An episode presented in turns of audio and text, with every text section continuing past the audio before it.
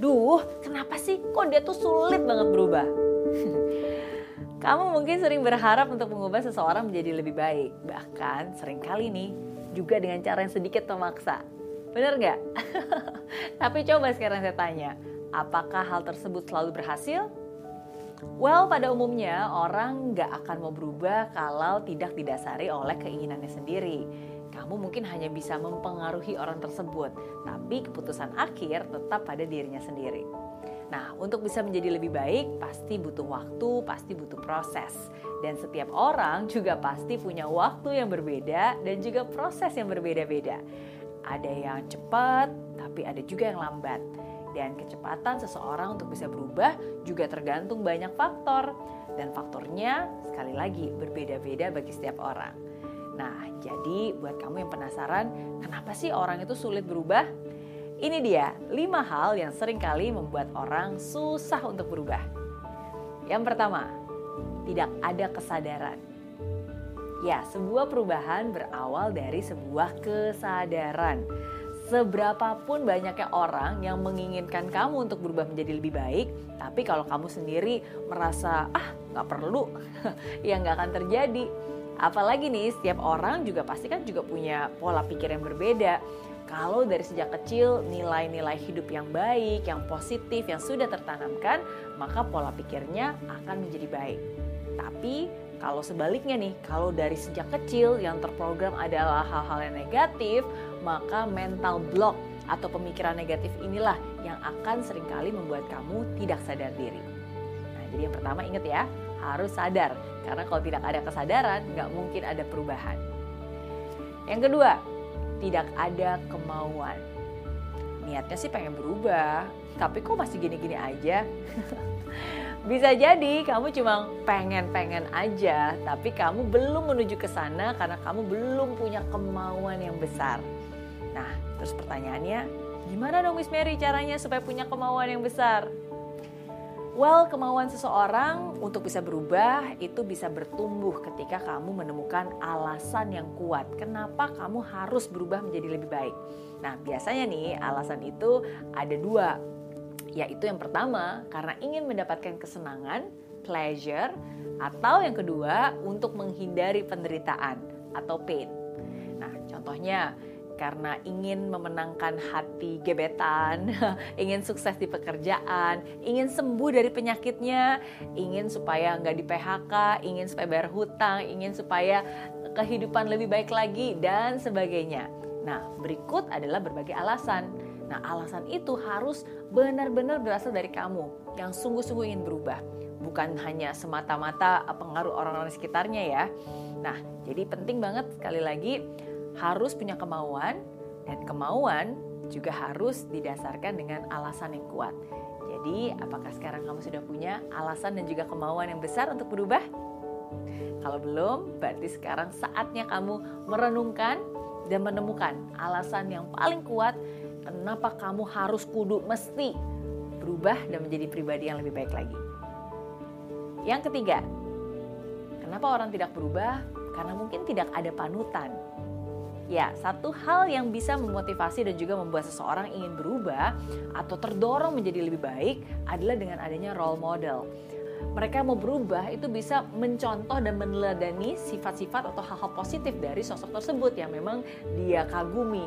Nah, kalau kamu belum menemukan sosok yang dapat dijadikan panutan, bisa jadi ini menjadi salah satu hambatan ya makanya nggak heran kalau kamu juga akan kesulitan dan bingung untuk mulai perubahan dari mana ya karena sering kali role model itu menjadi cara tercepat dan termudah karena kamu bisa melihat apa yang dia lakukan dan kamu juga bisa memodel dia. Nah, role model ini juga bisa ditemukan dari orang-orang yang ada di sekitar kamu, eh, orang-orang yang kamu kenal, atau bahkan nih zaman sekarang orang yang kamu nggak kenal pun juga bisa. Gimana caranya? Bisa lewat buku, bahkan bisa lewat sosial media. Nah, role model ini juga bisa menjadi sumber kekuatan, sumber energi perubahan yang membuat kamu tidak merasa sendirian. Jadi temukan lo model kamu yang cocok dan bisa menginspirasi kamu untuk menjadi lebih baik ya. Dan temukan juga gimana sih cara mereka mengubah hidupnya. Karena kalau mereka bisa mengubah hidupnya, nah kamu juga bisa belajar dari caranya dan juga bisa mengubah hidup kamu juga.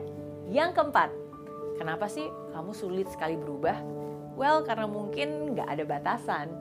Nah, batasan yang saya maksud di sini adalah batasan waktu alias deadline. Kapan waktu yang terbaik untuk berubah?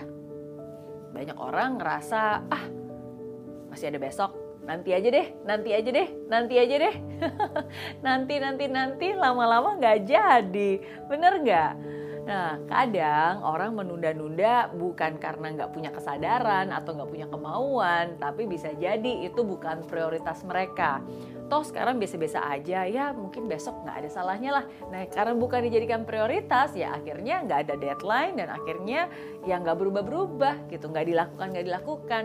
Nah, jadi harus dijadikan prioritas karena selama itu nggak dijadikan prioritas, kamu akan selalu membiarkan diri kamu terjebak dengan segala rutinitas, dengan segala deadline pekerjaan yang menumpuk, dengan segala hal yang biasanya sudah kamu lakukan.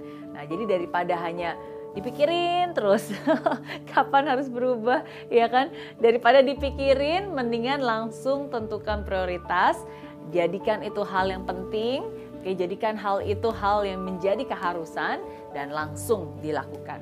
Kapan? Ya sekarang ini juga. Oke, jadi buat kamu yang sering menunda-nunda, ayo buat deadline pribadi hari ini, saat ini, mulai hari ini adalah waktu yang tepat untuk kamu berubah. Yang kelima, alasan kenapa kamu sampai sekarang belum berubah, ya mungkin gak ada hukuman. Untuk apa saya berubah? Tuh hidup saya baik-baik aja untuk apa saya taat peraturan? Buktinya sampai sekarang juga nggak pernah ketahuan. Untuk apa jaga makanan? Toh buktinya sampai hari ini masih sehat kok. Dan masih banyak lagi, masih banyak lagi alasan yang biasanya sering kali terucapkan atau sering kali kamu dengar. Betul atau betul?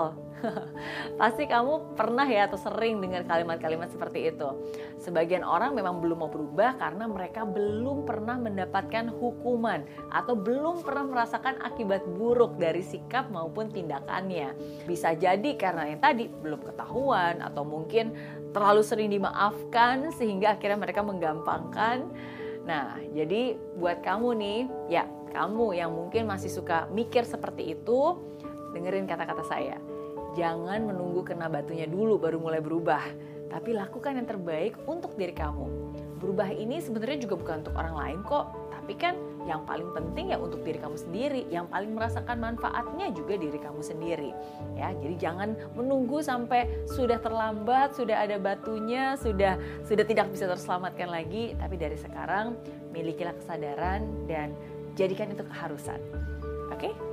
Nah, jadi itu dia 5 penyebab kenapa kamu sulit sekali untuk berubah.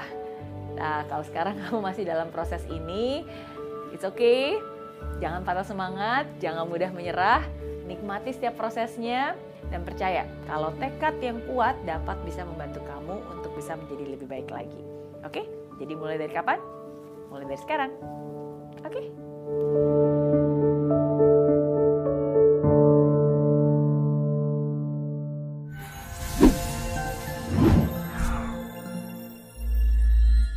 Di aplikasi Mary Riana tersedia lengkap video-video YouTube terbaru saya, artikel yang up to date, quotes inspirasi, koleksi merchandise, workshop dan seminar yang bisa kamu dapatkan free dan download sekarang juga gratis.